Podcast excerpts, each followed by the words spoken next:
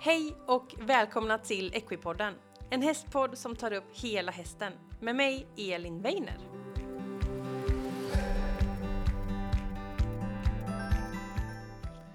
Hej alla Equipodden-lyssnare och välkomna till veckans avsnitt av podden. Veckans avsnitt presenteras i samarbete med Polly Equine. Som jag tidigare pratat om så är Polly Equine ett företag som tillverkar snygga grimskaft till häst. De erbjuder olika färger, väldigt dova, snygga, lyxiga färger. De erbjuder olika längder och de har olika knäppningar på sina grimskaft. Den eh, har, grimskaften har en mycket hög kvalitet, de har en liten vikt i sig, alltså de väger lite granna, vilket gör att de är jättebra om man arbetar sin häst från marken. Och det finns någonting för alla. Men idag skulle jag också vilja lyfta fram att Polly Queen har sin tillverkning i Vårgårda som ligger ungefär en timme från Göteborg. Tillverkning i Sverige är alltid bättre för vår miljö än att köpa någonting som har importerats från exempelvis Asien. Grimskaften är, alltså grimskaft är ju någonting man använder varje dag och att ha ett bra och snyggt grimskaft som också är funktionellt, det kan verkligen göra skillnad i vardagen. Jag älskar de här snygga grimskaften. Det runda repet, det ligger mycket bra i handen och jag älskar de liksom, färgerna som eh, Polly Queen har valt att arbeta med. Jag vill också lyfta fram att man kan få olika längder på grimskaften med olika typer av knäppningar. Vill du inte ha knäppe alls? Nej, men då finns det möjlighet för dig att få ett sånt grimskaft också. Det gör att du verkligen kan designa ditt grimskaft efter dina behov. Kanske behöver ett lite längre rep för att arbeta hästen från marken, eller så vill du ha lite kortare praktiskt med en enkel knäppning när du ska leda till och från hagen. Vill du veta mer om företaget då kan du gå in på deras hemsida som är www.polly.se eller så kikar du in på deras sociala medier. Då är det Polly Equine som gäller. Är du intresserad av ett grimskaft så har jag också en rabattkod som ger dig 20% på alla grimskaft och den gäller fram till och med den 31 mars. Du anger koden Equipodden20 i kassan. Men nu till veckans avsnitt. Och i det här avsnittet så får vi träffa Malin Trommes Lind som är en vän till mig och hon har varit med innan i podden och då intervjuat mig i tömkörningssammanhang. Men i det här avsnittet så ska Malin själv få prata och berätta. Därför att Malin, hon eh, har en son och hennes graviditet var ganska normal men hon fick en ganska tuff förlossning. Så i det här avsnittet så tänkte vi prata om graviditet och eh, ja, dels att rida under graviditeten och också lite eftervård. Och Malin hon brinner lite extra för det här för hon fick ett väldigt tråkigt besked i samband med sin förlossning och eh, hon fick kämpa för att komma tillbaka till hästryggen. Hon kommer berätta mer om det här och eh, hur hon tycker att det är viktigt att lyfta de här frågorna. Så oavsett om du kanske har varit eller planerar eller inte alls vill bli gravid så kan det här vara ett avsnitt för dig. För det är en kvinnodominerad sport där vi har ett kvinnoproblem eller ett biologiskt kvinnoproblem i alla fall. Så ja, jag hoppas ni ska tycka att det här är intressant eh, och det känns som ett viktigt ämne att lyssna. Så nu kör vi igång veckans avsnitt.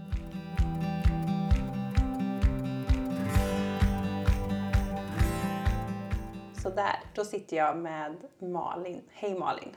Hej Elin! Kul att vara här! Välkommen hem till mig igen! Tackar, tackar! Och ehm, du är ju en vän till mig och eh, du har ju fått eh, intervjua mig en gång i eh, tömkörningssammanhang. För vi, vi känner varandra dels genom att jag tömkör din häst, lilla Zoe, men på andra sätt också. Men idag är det du som ska få prata lite mera. Spännande! För vi ska prata om någonting som jag själv kan ganska lite om, för jag har själv inte varit i det stadiet. Ehm, men någonting som många kvinnor går igenom och som många önskar och hoppas få gå igenom och det är ju graviditet och att få barn. Och det kanske inte alltid är så lätt när man också har en häst. Nej, det blir en extra parameter att ja, ta hänsyn till. Det rimmar nästan. Ehm, och det, vi, jag tänker att det är ändå någonting som är viktigt att ta upp och det är svårt. Um, och uh, ja, vi ska försöka belysa det här ämnet lite grann. Och du Malin är ju mamma. Ja. Till Benjamin. Hur gammal är han? Han är snart två år. Ja, tiden går fort va? Den går jättefort. Redan fullfjädrad ryttare. Ja, på god väg i alla fall. Han eh, säger eh, mer, mer, så han är nog rätt nöjd. Ja, men det är ett bra tecken. Då vill man ju i alla fall. Och anledningen till att du är med i det här det är att du har ändå valt det här lite som en hjärtefråga. För du gick igenom en del med din förlossning och du ska få berätta mer om det. Och i samband med det så skrev du också en del i ridsport. Eh, det var en artikel där och även i tidningen eh, om det här ämnet. Så eh, du har ju goda kunskaper och eh, ja, något att lyfta helt enkelt. Precis. Det, jag tänker jag, jag berättar och så ja. får vi se om det... Ser vi var vi hamnar. Ja. Så att om man börjar då bara tänka, om du får berätta vem du är och hur du hamnade i det här ämnet här och nu liksom. Precis. Ja. Ehm. Ja, var ska man börja någonstans? Tiden går så fort och ändå så långsamt. Mm. Nej men ehm, jag har ju haft Zoe i många år och så blev jag ju gravid för ja, lite mer än två och ett halvt år sedan då. Och eh, valde tillsammans med min man då att vi skulle behålla henne Mm. genom det här och eh, ja, göra det bästa av Mm. situationen helt enkelt. Eh, så jag eh, hade ju kvar den. Jag hade ju god hjälp såklart av fantastiska medryttare och Mm. stallkamrater som hjälpte mig men eh, jag hade nog kvar henne och red hela graviditeten. Eh, och sen var förlossningen och som du sa så hände det ju en del saker, jag kommer komma in på det lite mer sen, men eh, som gjorde att det blev en längre väg tillbaka till ridningen än vad jag hade förväntat mig och hoppats på. Mm. Eh, så då fick jag gå igenom den biten också med häst. Mm. Eh, så det är klart, det blev, eh, det blev en resa. Mm. Eh, men nu sitter vi här idag Mm. eh, två och ett halvt år senare och eh, nu rider jag som vanligt igen. Ja. Så det, Det är häftigt. det är häftigt. Det är häftigt vad den biologiska kvinnokroppen kan göra. Verkligen. Det, man får nästan bara ge sig på det liksom. Nu, nu ska det. Nu ska jag dit. Ja, ja. Häftigt. Och vi, vi har skrivit upp lite punkter vi ska prata om Mm. idag och vi tänkte att vi skulle börja då med eh, att rida under graviditeten och så kommer Mm. vi in på eh, efter förlossning och eftervård sedan.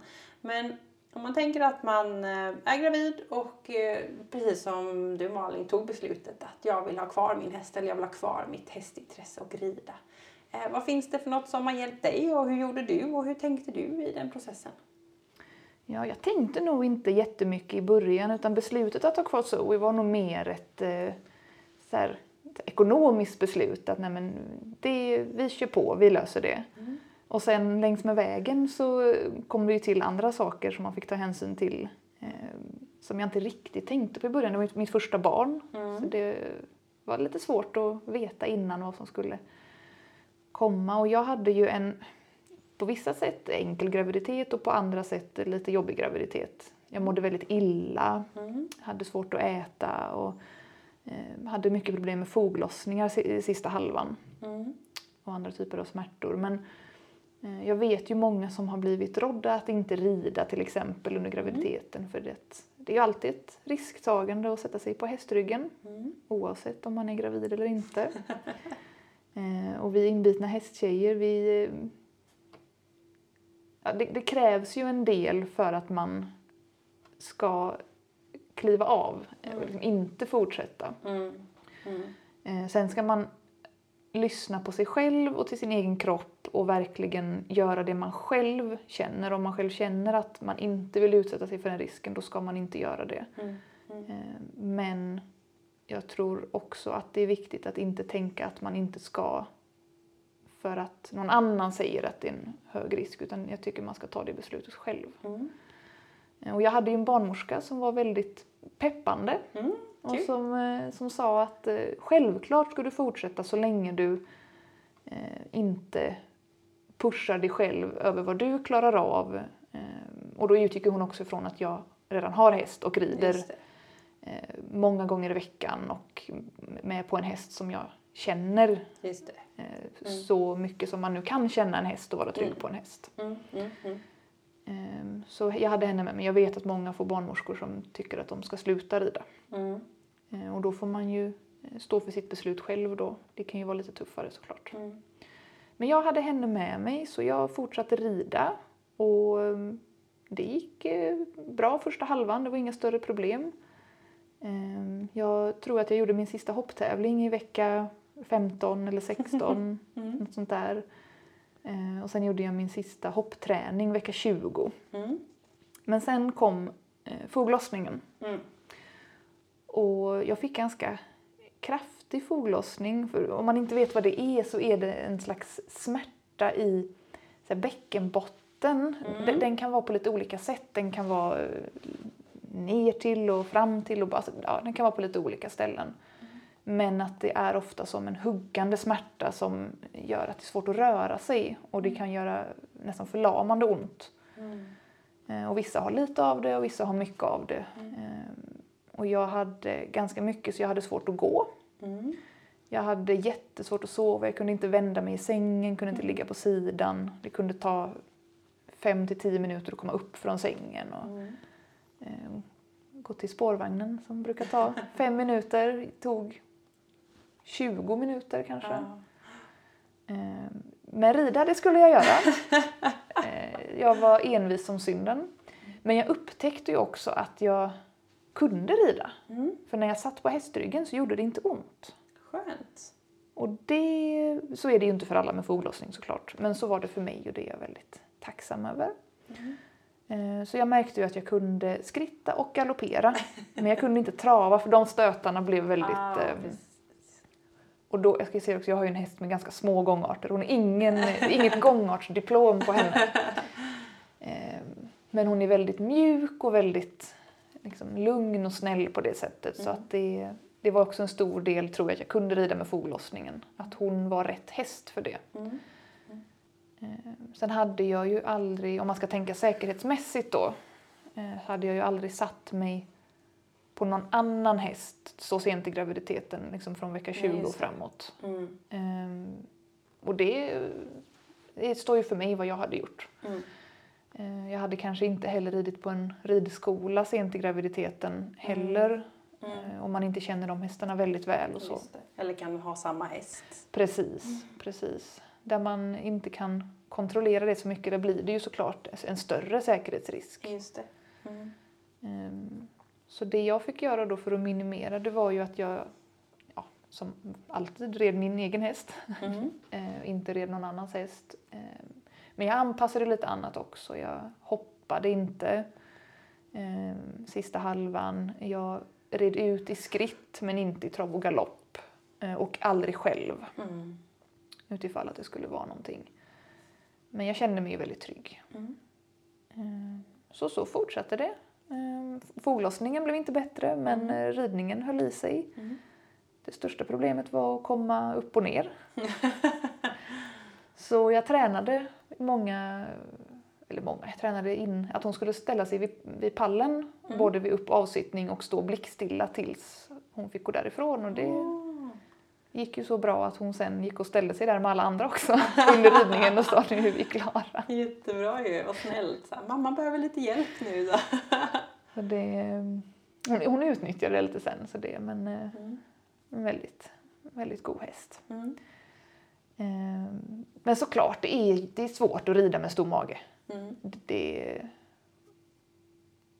det, det tar emot och man får liksom anpassa lite. Jag kunde inte rida i min dressyrsadel till exempel. Jag fick ha Mm. hoppsadeln för den var inte lika djup. Och, Just eh, ibland kanske jag fick stå upp mer än sitta ner tills magen blev för stor för då föll man ju framåt istället.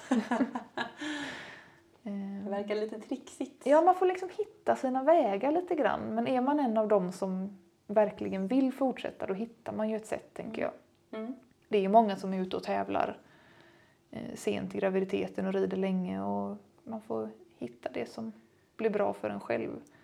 Eh, men också lyssna till sin kropp. Säger kroppen stopp så, så stoppa. Mm. Just det. Så jag, ja, så jag red och sen, jag red hela vägen till vecka 40. Mm. Jag red sista gången på min dag när jag var beräknad. Mm. Eh, Det blev lite av en eh, tävling mot mig själv på slutet. Att Mm. jag skulle, Du skulle sitta där. jag skulle sitta där och jag skulle, eh, jag skulle vara där så länge som möjligt men det kändes ju också bra så att det gjorde ingenting. Mm. Eh, Och på slutet så eh, fixerade sig fostret också, Mm. eller bebisen. Att den lägger sig till rätta liksom i position. Mm. Eh, Att den eh, blir liksom fast kan man säga. Ner mot födelse, födelsekanalen där. Mm. Och då kunde jag också trava Mm. igen. För då gjorde det inte ont. För då foglossningen blev så mycket bättre de sista, ja vad kan det ha varit, tio dagarna eller någonting. Mm. Eh, Så det var ju lite roligt. Mm. Mm. Så ja, sen efter då, efter beräknat datum så hade ju coronapandemin slagit till Just det, rejält. också. Ja. Jag födde i mitten av april så den hade ju slagit till där och då bestämde vi oss för att isolera oss och då fick eh, min häst klara sig själv där ett tag. Nej, mina härliga medryttare tog henne men jag valde att isolera mig från Just det, beräknat datum. det gjorde ni tillsammans. Precis. Ehm, Ja, men ja, det, det är en spännande resa och jag tänker för dig gick det ju väldigt bra. Men det är inte alltid säkert att det går bra. Hur ska man tänka liksom, hur, hur gick det för dig med stallarbete till exempel? Och hur ska man tänka om man hamnar i en situation där det inte går bra? Behöver man ha en plan B? Det tycker jag absolut är bra att ha och det är nog bra att ha det från start. Eh, Jag hade behövt det, jag hade inte det. Eh, Det beror lite på vad man har för förutsättningar. Har man jättemycket hjälp, att man är flera stycken, eh, att det inte är, man vet att det inte är några problem Mm. att få hjälp så kanske man inte behöver det. Men annars så är det nog viktigt. Och jag kunde ju inte göra stallarbete. Mm. Eh, Jag kunde inte lyfta vattenkannor, jag kunde inte packa höpåsar. Jag kunde mocka, men det tog ju fyra, fem gånger så lång tid. Jag kunde Mm. bara ha lite på grepen, Mm. Mm. eh, lyfta jätteförsiktigt. Eh, Så jag hade ju jättemycket hjälp av min man och mina medryttare. Och även att jag hade turen att stå inackorderad då och kunde köpa hjälp. Mm. vid behov. Mm. Så att eh, jag var också förlamande trött som många är Mm. under en graviditet. Eh, om man inte har varit gravid men haft covid och haft en sån trötthet, det är lite, lite liknande trötthet faktiskt, den är helt, helt förlamande. Eh, så det, man vet ju inte riktigt när det slår till så det är jättebra att ha en plan B. Mm. Och se till att man har någon som kan hjälpa en. Just det. Att Det kan, gå, det. det kan ju vända fort. det kan vända fort. Mm. För mig slog foglossningen till på en dag, Ja. på nyårsafton. Såklart. Perfekt dag. Ehm, och då var det liksom kört efter det. Då kunde jag inte lyfta någonting eller göra någonting. Just det. Och då gäller det att ha en, eh, en ringlista. Precis. Eh, Men jag tänker det är ju ändå lite svårt och, och jag tänker att eh, man kan ha, man måste ha en plan B och det blir lite omständigt med allting. Men eh, vad är det liksom som gör att det ändå kan vara värt att fortsätta ha sin häst? Vad finns det för fördelar med att fortsätta rida? Jag tänker att det finns ganska många. Mm. Jag tror att för många av oss så är tanken på att inte ha kvar, den blir liksom omöjlig Mm. på något sätt. Men om jag utgår från mig själv så var det ju en omöjlighet utifrån eh, mitt psykiska mående, att jag, man mår bra av att vara i stallet. Det är min, mitt lugn, min, där jag tankar energi, det är där jag har min hobby, det är där jag har ja, nästan hela mitt liv. Mm. Ehm, och det är en familjemedlem, Mm. hästen också. Men det är också, om man är van vid att rida så är det ju ett väldigt bra sätt att också hålla igång fysiskt. Mhm. Ehm, För det rekommenderas ju att man gör det på något sätt utifrån vad kroppen klarar när man är gravid. Att man ändå Mm. ehm, håller igång på något sätt. Mm. Och är man van vid att rida så klarar ju kroppen det. Just det, kroppen är van. Kroppen är van, musklerna är vana. Mm. Kanske inte ska börja med någonting nytt. Nej, jag kanske inte hade börjat rida eh, när jag var gravid. Det, kan, det, det tipsar jag inte om. Mm. Eh, men, ehm, ehm, men det är klart att det kan ju, det är klart att det finns ju de som, där det inte funkar, där man inte har hjälp och inte antingen inte vill utsätta sig för risken Mm.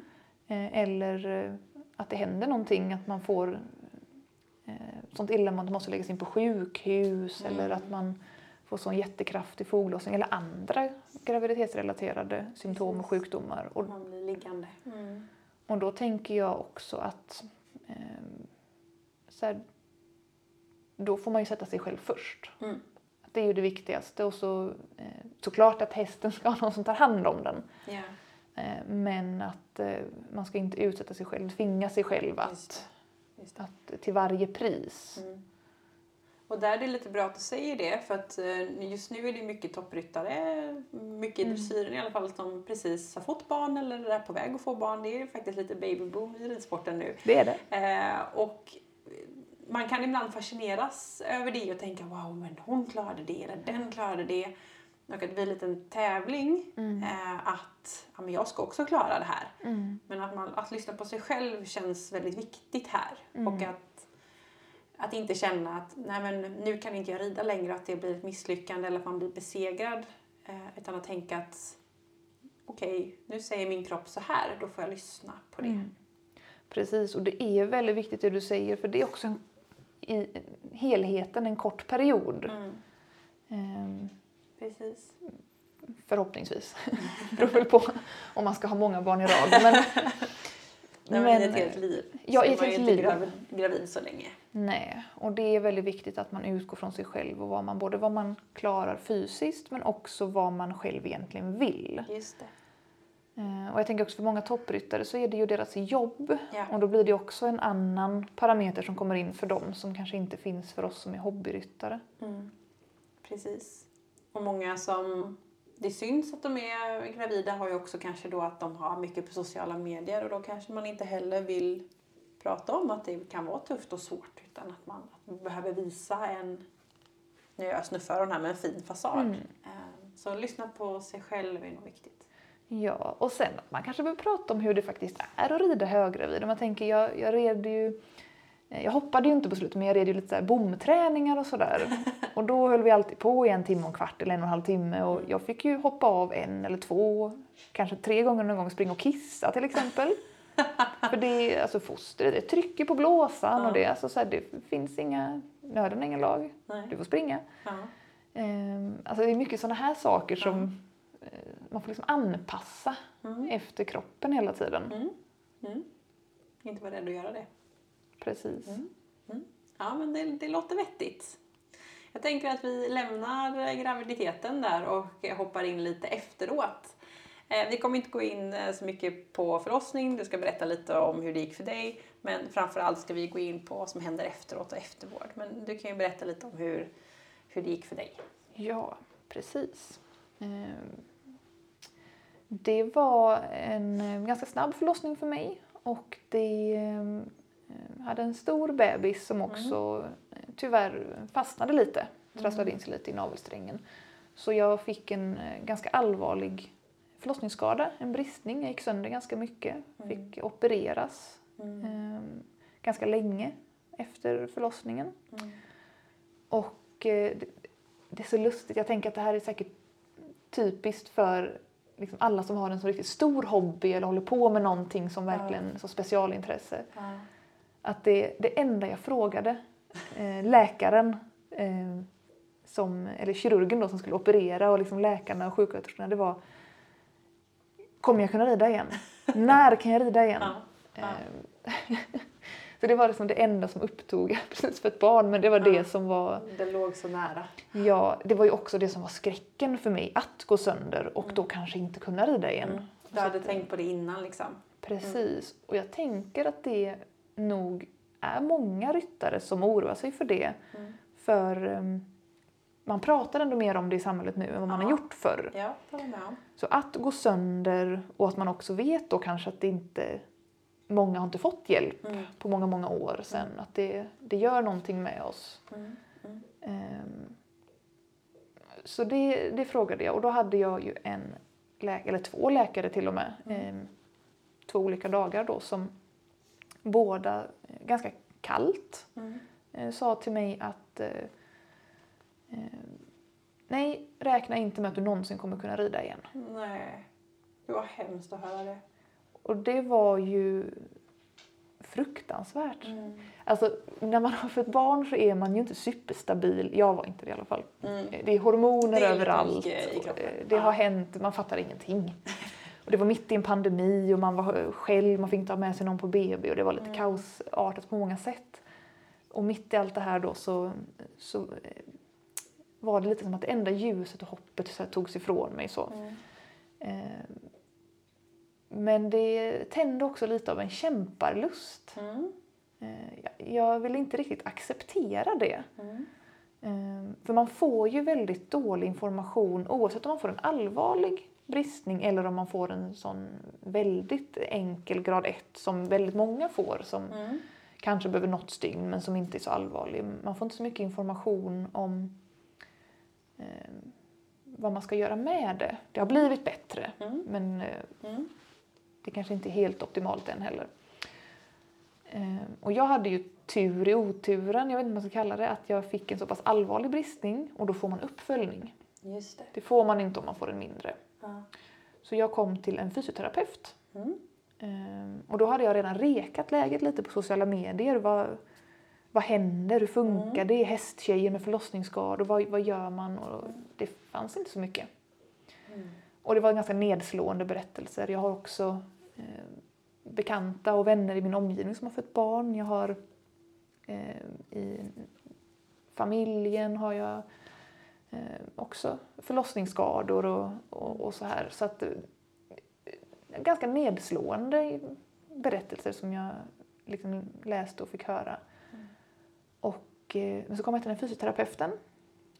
Och där tänker jag att hade alla jobbat som hon så hade vi inte haft samma problem Mm. som vi har nu. En eldsjäl. En eldsjäl och hon brann för just eh, att komma tillbaka till sin kropp efter förlossning. Mm. Och så sa jag att eh, jag var så ledsen för att läkarna sagt att jag inte kunde rida igen. Mm. Och då sa hon, det måste vi ju lösa. Vi ska få upp dig på hästryggen igen. Ja. Och hon var inte hästtjej, hon, hon visste ingenting om ridning mer än att eh, det heter väl skritt va? Typ så. Ja, typ. Eh, så hon la in ridningen i min rehabplan. Mhm. Och här tänker jag att man som födande kan eh, liksom påverka det här själv Mm. genom att man eh, berättar att man rider, att man vill rida och lite berättar om ridningen. Mm. Mm. Ehm, för då kan man hjälpas åt i rehabplanen hur man ska liksom kunna komma vidare dit man vill. Om man har egen häst, att målet är att man ska rida igen eller vad man nu gör. Mm. Eh, Så vila in korta, korta, korta stunder från början. Mm. Eh, Sitta en minut bara. Sitta två minuter. Skritta en minut. Och sen då under tiden då som vi utökade, under tiden jag satt på hästryggen så skulle jag göra olika rehabövningar. Mhm. Och då var det ju för att stärka bäckenbotten och även de här inre core-musklerna. Det Just det. pratas mycket om dem i ridning överhuvudtaget. Ja, precis. Hållningsmusklerna och inre, inre magmusklerna. Inre korsetten man pratar om ibland. Precis. Ja, ja. Och det är just den som blir viktig också efter att man har fött barn. Så där satt jag och gjorde knipövningar på hästryggen då. Eh, Alla måste ju tycka det såg roligt ut. Ja, det såg lustigt ut. Och sen är ju jag som jag är då så jag kan ju inte riktigt hålla mig till planen heller så jag var ju tvungen att trava lite och galoppera lite. Så jag hade ju några månader där i början när jag stod upp konstant i stigbygeln fick väldigt bra lårmuskler i trav och galopp. Ehm, Men jag tror att jag red första gången i juni, han föddes i april, så två månader Mm. Eh, var jag av hästryggen. Och det var inte jättekul att börja rida igen. Det gjorde ont, det kändes konstigt, Mm. eh, annorlunda, obekvämt. Eh, men jag var också förberedd på det för att hon hade sagt att det kommer inte vara skönt i början. Just det. Eh, och så fortsatte det. Så rehabplanen följde jag och sen till hösten, tidig, sen, sen höst kanske, så var det ganska normalt igen. Mm. Och sen har det fortsatt på det. Men då har det också hjälpt att jag redan sedan innan hade en anpassad sadel som funkade bra för mig. Som är anpassad. Eh, jag har haft problem med smärta när jag ridit innan. Det är många kvinnor som har det. Skavsår, smärta. Mm. Jag hade redan en sadel som underlättade det. Mm. Så att det hjälpte också väldigt mycket. Ehm. Och, men jag vet ju det är många som har problem efter förlossningar. Det är väldigt många som har problem med urinläckage. Mm. Eh, när man går, när man springer, man kanske inte kan springa och leka med sina barn och hoppa, studsmatta och sånt. Man kan inte heller alltid rida utan att det läcker. Mm. Eh, man kan ha problem med smärta, man kan ha problem med delade magmuskler, man kan ha eh, bäckenbotten inte riktigt återställer sig, man kan ha väldigt många olika problem Mm. Eh, som man kan få hjälp med eller inte få hjälp med. Mm. Men eh, jag tror det viktigaste är att man vågar prata om det Mm. och själv söka hjälp. Får man inte uppföljning själv för att man kanske inte har tillräckligt stor bristning vid förlossningen. Mm. ehm, Så när det har gått ett år efter förlossningen så då ska ju kroppen vara så återställd, säger jag inom citationstecken. Ehm, och då kan man söka hjälp. Mm. Ehm, Okej. Det är ändå ett bra riktmärke att tänka på. mm, För att det är såklart om det blir en bristning eller något annan komplikation mm, eh, så får man ju, då är man ju inne lite i vården. Men sen att, att eh, folk som, det finns ju berättelser med folk som har bestående skador eller smärtor eller påverkan. mm. Och att man då kanske efter ett år i alla fall ska kolla upp det. Eller? Precis, och det är ju många som går i hur många år som helst. Jag vet om... Eh, jag fick många berättelser delade till mig. Jag har varit väldigt öppen med det här i sociala Mm. medier och var ju med i tidningen Ridsport och så. Många Mm. skrev till mig efter och ville prata eller de, dela med sig av eh, berättelser. Och, Mm. och det är många som har gått ja, men 25, 35, 45 år Ja. med smärtor och urinläckage och eh, alltså, analinkontinens, alltså det, allt möjligt som Mm. är... Så det är inte ett värdigt liv. Man mår väldigt dåligt själv av det. Mm. Mm. Men man kan få hjälp och man kan också få det att fungera i ridningen. Just det. Och där blir man lite trött på oss starka stallkvinnor, vad säger jag så? Att vi, att vi låter det gå så. Precis. Att vi sätter det som någon slags norm och tycker att det är okej att ha ont, det är okej att inte kunna Mm. göra och kunna begränsa sig i sitt liv. Det känns ju väldigt tråkigt. Mm. Ja men det är ju lite... Jag, jag har ju själv varit lite sån. Mm. Att jag, man, har, man har ont när man rider men det liksom bortser man från Ja. för det viktiga är hästen och Ja. ridningen. Ja. Ehm, och det har ju inte varit så öppet att prata om sånt här innan, varken smärta eller Precis. eh, förlossningskomplikationer av Mm. olika slag. Mm. Ehm, så det är, det är viktigt. Det är, det är så många kvinnor som rider. Mm. Vi borde enas i det här. Precis. Precis. Så dina tips här egentligen det är ju att eh, våga ta hjälp. Men det är också svårt att ta hjälp. Vad händer om man inte riktigt Ja, men om man inte får någon uppföljning eller man inte känner att man får hjälp man ska göra, vad gör man då? Eh, Då ber man igen och man kan också söka hos andra vårdgivare. Mm. Ehm, Det är svårt att ge generellt tips här för att det är olika i olika regioner Så såklart. Ja. Eh, Men vissa regioner har ju till exempel eh, specialmottagningar, så vulvamottagningar, de har bristningsmottagningar, de har specialistgynekologmottagningar. Mm. Eh, Många säger att man ska söka till sin egen vårdcentral först, det kan man också göra, men man kan också skicka egen remiss direkt. Just det. Eh, vissa rehabmottagningar har fysioterapeuter som är specialiserade mot Mm. kvinnokroppen. Mm. Eh, och är det för att man har smärta, det kanske inte är att man har fått barn utan man har bara smärta överlag, då kan man också söka på barnmorskemottagningen. Mm. Det finns ju både privat och i regionen man kan söka och få hjälp. Mm. Ehm, och många får ju söka hjälp många, många gånger. Det finns ju Mm. det här, om det är just förlossningsskador det handlar om så finns det ju ett konto på Instagram som heter Allt ser fint ut. Mm. Där folk delar med sig av sina berättelser och det är nedslående. Mm. Men det finns också hopp att många har också fått hjälp sen. Mm. Så Mm. man kan alltid, om man orkar läsa igenom de tunga bitarna så kan man också hitta eh, några som har fått hjälp och lite vilka vägar. Folk tipsar varandra i kommentarsfälten och så. Ja, just det. Och det finns också en grupp eh, för hästtjejer med Mm. eh, förlossningsskador eh, på Facebook. Jag tror den heter eh, Vi hästtjejer med förlossningsskador. Så man Mhm. kan också ett litet community man kan Mhm. gå med i och öka upp. Vi, jag tror vi behöver enas lite och hjälpa varandra och stötta varandra ännu mer än vad vi gör. Just det. Även om det börjar bli mer öppet. Precis, och jag tänker för varje kvinna som söker hjälp så belyses ju problemet mer. Precis. Att lida i tysthet leder ju aldrig till en utveckling. Nej.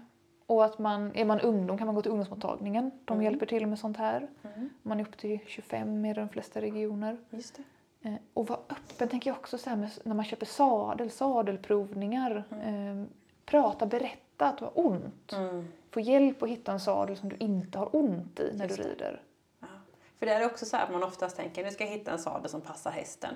Och så får jag bara liksom hänga med på det. Men att det också är, det har vi pratat om innan i podden, det här vikten att, eh, att sadeln också ska passa ryttaren. Mm. Jätteviktigt. Mm. Och sen eh, om man då har urinläckage till exempel eller inkontinens av något slag så vill jag tipsa om att ha menstrosor. Mm. Jag är kanske lite sen på den här bollen, jag vet inte riktigt. Men det är ju liksom en sån fantastisk uppfinning. Eh, Att vissa kanske inte vill eller kan ha menskopp eller tampong om det är för mensen och sen då om det gäller urinläckage eller annat läckage så eh, funkar det inte såklart. Nej, kan man inte ha något annat. Nej. Och då slipper man ha en binda som skaver och blir Mm. varm. Eh, Mm. Så det tipsar jag verkligen om. Mm. Det är bra. Och det finns ju massa märken idag. Massa märken, massa Det har- modeller. Det har ju exploderat sista året här, eh, just med menstrosor. Mm. Och de jag. funkar verkligen. Har du testat? Jag har testat. Jättebra. Ja, då ska jag också testa detta. Eh, för man är ju alltid lite skeptisk när det kommer någonting nytt sådär. Så, ska jag verkligen? Håller det verkligen? ja, man bara, nej. ja, men intressant. Har vi några fler tips att skicka med här? När vi ändå är igång. Ehm. Bra fråga. Ehm. Jag vet inte, jag jag återkommer till att ehm, utgå från dig själv. Vad, Mm. vill, vad vill du? Var snäll mot dig själv. Mm. Var alltid snäll mot dig själv. Och Mm. ehm, utgå från dig själv och inte från vad alla andra säger och tycker och tänker. Mm. Mm. Ha en plan B. Eh, och det ska vara kul. Det ska vara kul att ha häst och rida. Eh, det ska vara kul att ha barn också men det är också tufft och svårt och i början man fattar ingenting. Och det ska man också vara beredd på tänker jag när man. Har häst och blir gravid och skaffar barn att livet förändras väldigt, väldigt mycket. Och det man har tänkt innan kanske inte stämmer efter. Precis. Precis. Så det är också bra att ha med sig att man får vara lite snäll mot sig där också och tillåta sig själv att förändra Mm. sin plan. Och, Nej, och vi sa ju här det här med att rida och graviditet, att det är bra att ha en plan. För som sagt, över en natt så kan det bli att nu kan jag plötsligt inte göra det här längre. Det är ju egentligen samma sak efter och där kanske de flesta har en plan för man vet att man kan inte vara i stallet dag ett, två, tre liksom utan du Mm. behöver vara hemma ett tag. Eh, Men för dig tog det ju två månader innan du kom upp i sadeln igen. Mm. Och om om du inte, då hade du ju hjälp med någon som kunde rida lite åt dig. Och hade man inte haft det så är det klart att två månader, den hästen kanske man vill inte sitta upp på det första man gör. Nej, det beror på vad man har. Men, eh, det, det är ändå sånt att tänka på att man vet inte riktigt hur lång tid det här tar. man vet inte hur lång tid det tar. Och sen ska jag väl säga det också att det gick ju, det var ju ingen som trodde jag skulle vara uppe i sadeln efter två månader. Så det, jag vill också skicka med att man inte liksom ska ta för givet att man kommer upp i sadeln på två månader. Vissa Mm. kan rida fyra dagar efter. Mm. Men min prognos var ju kanske att jag inte skulle komma upp i sadeln på minst Mm. fyra, fem månader. Eller någonsin från början. Eller någonsin från läkaren då. Mm. Eh, Så att eh, gör allting i din egen takt. Mm. Stressa inte kroppen för att vissa kan göra snabbt eller rida jättelänge in i Mm. graviditeten. Eller, Mm. utan hela tiden utgå från dig själv och, och när du utmanar dig själv, som jag gjorde att jag utmanade mig själv och travade och galopperade lite fast jag egentligen inte fick. Men, Mm. men jag gjorde det hela tiden med en tanke att om någonting gör minsta ont Mm. så slutar jag. Mm. Om någon, ja, minsta ont gjorde det i och för sig för att det gjorde ont bara att sitta på hästryggen. Mm. Men, men det, det finns ju olika typer av smärta Ja, också. precis. När det blev dåligt. Ja. Liksom. Mm. Men, men där måste jag fråga, för att du sa att första gången när du satte upp det kändes annorlunda. Eh, sen, sen är det också så, har man varit ifrån hästen ett tag så eh, även om man inte gått igenom en förlossning så är det alltid lite vingligt i början. Eh, om man rider vanligt och sen så har man en paus. Men här är det såklart en annan, helt annan känsla i, i underlivet. Men kände du någon gång att det inte kommer att gå? Eller liksom, jag tänker att man, det är ganska mycket känslor och hormoner också i kroppen. Eh, och när man då tänker sig att nu ska jag få hoppa upp på min häst och jag ska få göra det som jag älskar mest av allt. Eh, nästan. och så känns det så konstigt. Mm. Hur, hur kändes det liksom? Um, alltså för mig, eftersom jag hade fått det där beskedet att jag inte skulle få rida igen. Mm. Um, så, så var ju bara att sitta på hästen en vinst. Mm. Um, så, så det var inte så jobbigt där och då men jag har ju haft många perioder under tiden när jag har eh, varit ledsen Mm. och eh, eh, klart man får sån här varför hände det här mig-känslan och, Mm. och sådär. Men framför allt så blir jag ledsen i efterhand. Jag kan fortfarande bli ledsen nu när jag tänker tillbaka att hur några få ord Mm. från en läkare eller någon person som liksom ska som man litar på, som ska Mm. berätta för en hur Mm. ens liv ska se ut och Precis. vara. Hur förödande det kan vara. Mm. Och tänk om jag hade litat blint på det och inte, Ja, inte kämpat för det. Tagit det som ett nej. Ja. Eller, Eller om jag inte hade träffat den här fysioterapeuten, om jag hade träffat hennes kollega. Mm.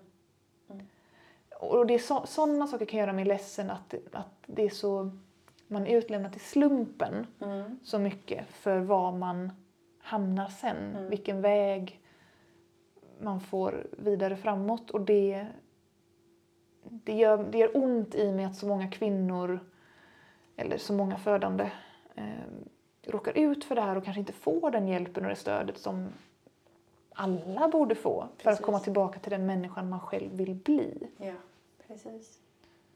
Och det är som du sa att din sjukgymnast här hjälpte dig väldigt, väldigt mycket, eller fysioterapeut. Och att det var lite tur att du fick så pass illa förlossningsskada att du fick också träffa den. Men hur tror du att det hade blivit om du inte hade fått riktigt så illa fast en läkare fortfarande sa att det inte är säkert att du kan rida? Vad hade, vad hade du gjort då? Alltså jag tror ju att jag hade eh, försökt såklart, men jag Mm. hade ju inte vetat hur jag skulle gå tillväga. För man får ju sånt här papper om gör knipövningar. Mm. Och det, det har väl alla hört talas om att man, det är alltid nyttigt att göra knipövningar oavsett om du har fått barn eller inte. Precis. Eh, men men, men liksom huret, dels gör man det på rätt sätt, jätteviktigt, annars så spelar det ju ingen roll för bäckenbotten. Mm. Men också de här som vi pratar om, de här inre magmusklerna. Mm. Hur aktiverar man dem? Mm. Hur, liksom, hur får man tillbaka den här stabiliteten i kroppen? Och hur vet man att allting står rätt till om det inte känns bra? Mm. Det går ju inte att veta det själv. Mm. Och man vet kanske inte riktigt vem som kan hjälpa en med de sakerna Just heller. det, just det. För det finns ju inte så många fysioterapeuter som är experter på, Nej. på bäckenbotten till exempel. Mm. Men de finns. Mm. Och um, jag vet att i VG-region, eh, där jag bor, Mm.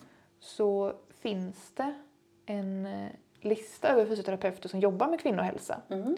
Och det kanske finns i fler regioner så det kan man ju också googla på och kolla upp och se om det finns. Just det. Så att man kan söka sig till rätt. Det kom jag på nu så det var ju bra. Ja, precis. Det är också ett bra tips att, att hitta någon som man känner att den här kan faktiskt hjälpa mig. Mm, Så.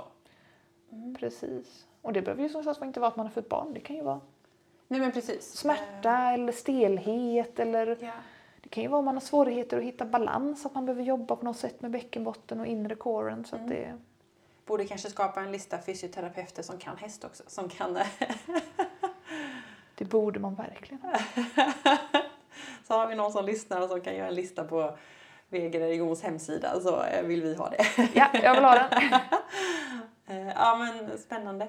Jag tänker vi ska gå in på en sak till det här eh, efteråt och det är liksom det mentala. Mm. Ehm, Det händer mycket i kroppen, det har vi sagt. Ehm, Och eh, vi pratade lite innan här att man kanske blir lite mer rädd för att man plötsligt har ett annat liv som liksom, alltså den biologiska kvinnans kropp är ju gjord för att hon ska göra vad som helst för sitt barn. Eh, Och det finns ju mängder med historier med det. Eh, Men då kanske man också blir mer rädd att man inte vill utsätta sig själv för risker. Hur, vad händer liksom mentalt? Ehm, ja, igen kan jag ju bara prata för mig själv. Mm. Men eh, jag vet att det är många andra som sagt det också, att ja, det är annorlunda Mm. att rida efter man har fått barn. Man är mer medveten om riskerna. Just det. Själva riskmedvetenheten ökar. Eh, sen kanske man väljer att ändå göra samma saker eller utsätta sig för de riskerna men att man... Jag upplever att de är mycket mer närvarande i en än vad de har varit Mm. Innan. Och jag själv utsätter mig inte riktigt för samma... Typ, jag, jag, jag tänker ett varv till. Eh, behöver jag göra det här? Mm. Det kan vara på hästryggen eller i, utanför hästryggen. Mm. Ehm, Jag tänker lite med säkerhet också när jag till exempel är i stallet med hästhantering. Mm. Ehm, Där jag står inackorderad så hjälper vi till med in och utsläpp och sådana där saker eh, vissa dagar. Och då eh, tänker jag mycket på det. Vid lastning, ha hjälm på sig. Mm. Ja, Jag är lite mer säkerhetsmedveten än Mm. innan. Mm. Även om jag gör i princip samma saker. Ehm, Fast jag, jag, jag hälsar inte saker själv längre heller. Ehm, Jag rider ju ut själv men då kanske jag inte tar de här racegalopperna eller rider ut i skymning när det kan komma vilt och sådär. Eller när det är högre risk för vilt. Ehm, Så jag vet inte men, men man hör ju också många eh, man ser alltså influencers eller toppryttare som också säger att ja, men det, är, det är lite skillnad. Mm. Vi tävlar fortfarande, vi gör det fortfarande, men det känns annorlunda. Mm. Det är också bra att vara beredd på. Mm. Ja, ett eh, intressant avsnitt och någonting som känns ändå väldigt kul att få lyfta så att fler kan bli medveten. Vi hoppas att någon har fått en aha-upplevelse här idag kanske. Eh, Men Malin, eh, du tipsar ju om de här sociala mediegrupperna. eh, eh, Hästtjejer med förlossningsskador på Facebook och Instagramkontot Allt ser fint ut, Mm. heter det så? Mm. där det finns stöd i varandra. Men om man känner att just du verkar vara en väldigt förtroendegiven person och man skulle vilja bolla något med dig, hur kan man göra för att komma i kontakt med dig? Eh, om man vill bolla någonting eller fråga eller bara prata lite så tänker jag att man kan få skriva till mig på Messenger. Mm. Eh, och jag heter Malin Trommelslind. Mm. Jag är den enda i Sverige. så, eh, ja, så det är bara att skriva i så fall. Rommelslind. Mm. Precis. Ja, och det, det får man göra. Ja, Man får lite bollplank, det är ju trevligt. ni är varmt välkomna om ni vill bolla någonting. Men eh, då Malin vill jag tacka dig så mycket för att du ville komma och prata om det här i Equipodden. Tack för att jag fick komma och för att du lyfter det här som jag tycker är ett jätteviktigt ämne.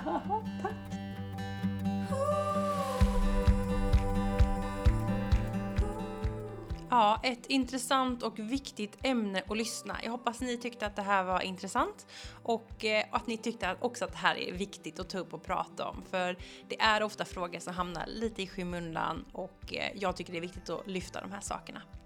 Vill man se mer av Equipodden, då vet ni, då är det sociala medier som gäller. Det är Instagram och Facebook. Där heter jag Equipodden så man kan följa och få mer inspiration, mer tips, eh, andra frågor som jag inte tar upp här i podden, de finns på Instagram. Så kika gärna där. Och eh, är faktiskt så att jag fick ett mail här om veckan också av en lyssnare och det gjorde mig väldigt, väldigt glad. Och eh, är det så att man inte har sociala medier, då kan man också mejla mig och eh, mejlen är equipodden gmail.com. Så kika gärna in där. Och nu när du har lyssnat på ett poddavsnitt här så får du väldigt gärna gå in och lämna ett omdöme eller eh, ratea med sådana där stjärnor vart du nu har lyssnat. Det skulle göra mig otroligt glad att få höra vad du tycker om min podd. Nästa vecka, vad händer då?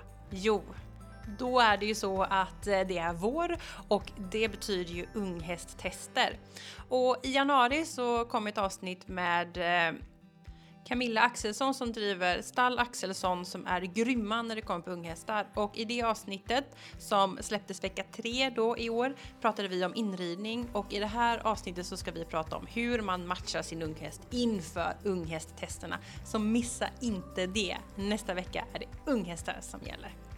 Och så länge så får jag önska er en fantastisk vecka. Kom ut i den härliga vårsolen, stanna och titta på en vacker vårblomma och bara njut. Så får ni ha det så bra. Hej då!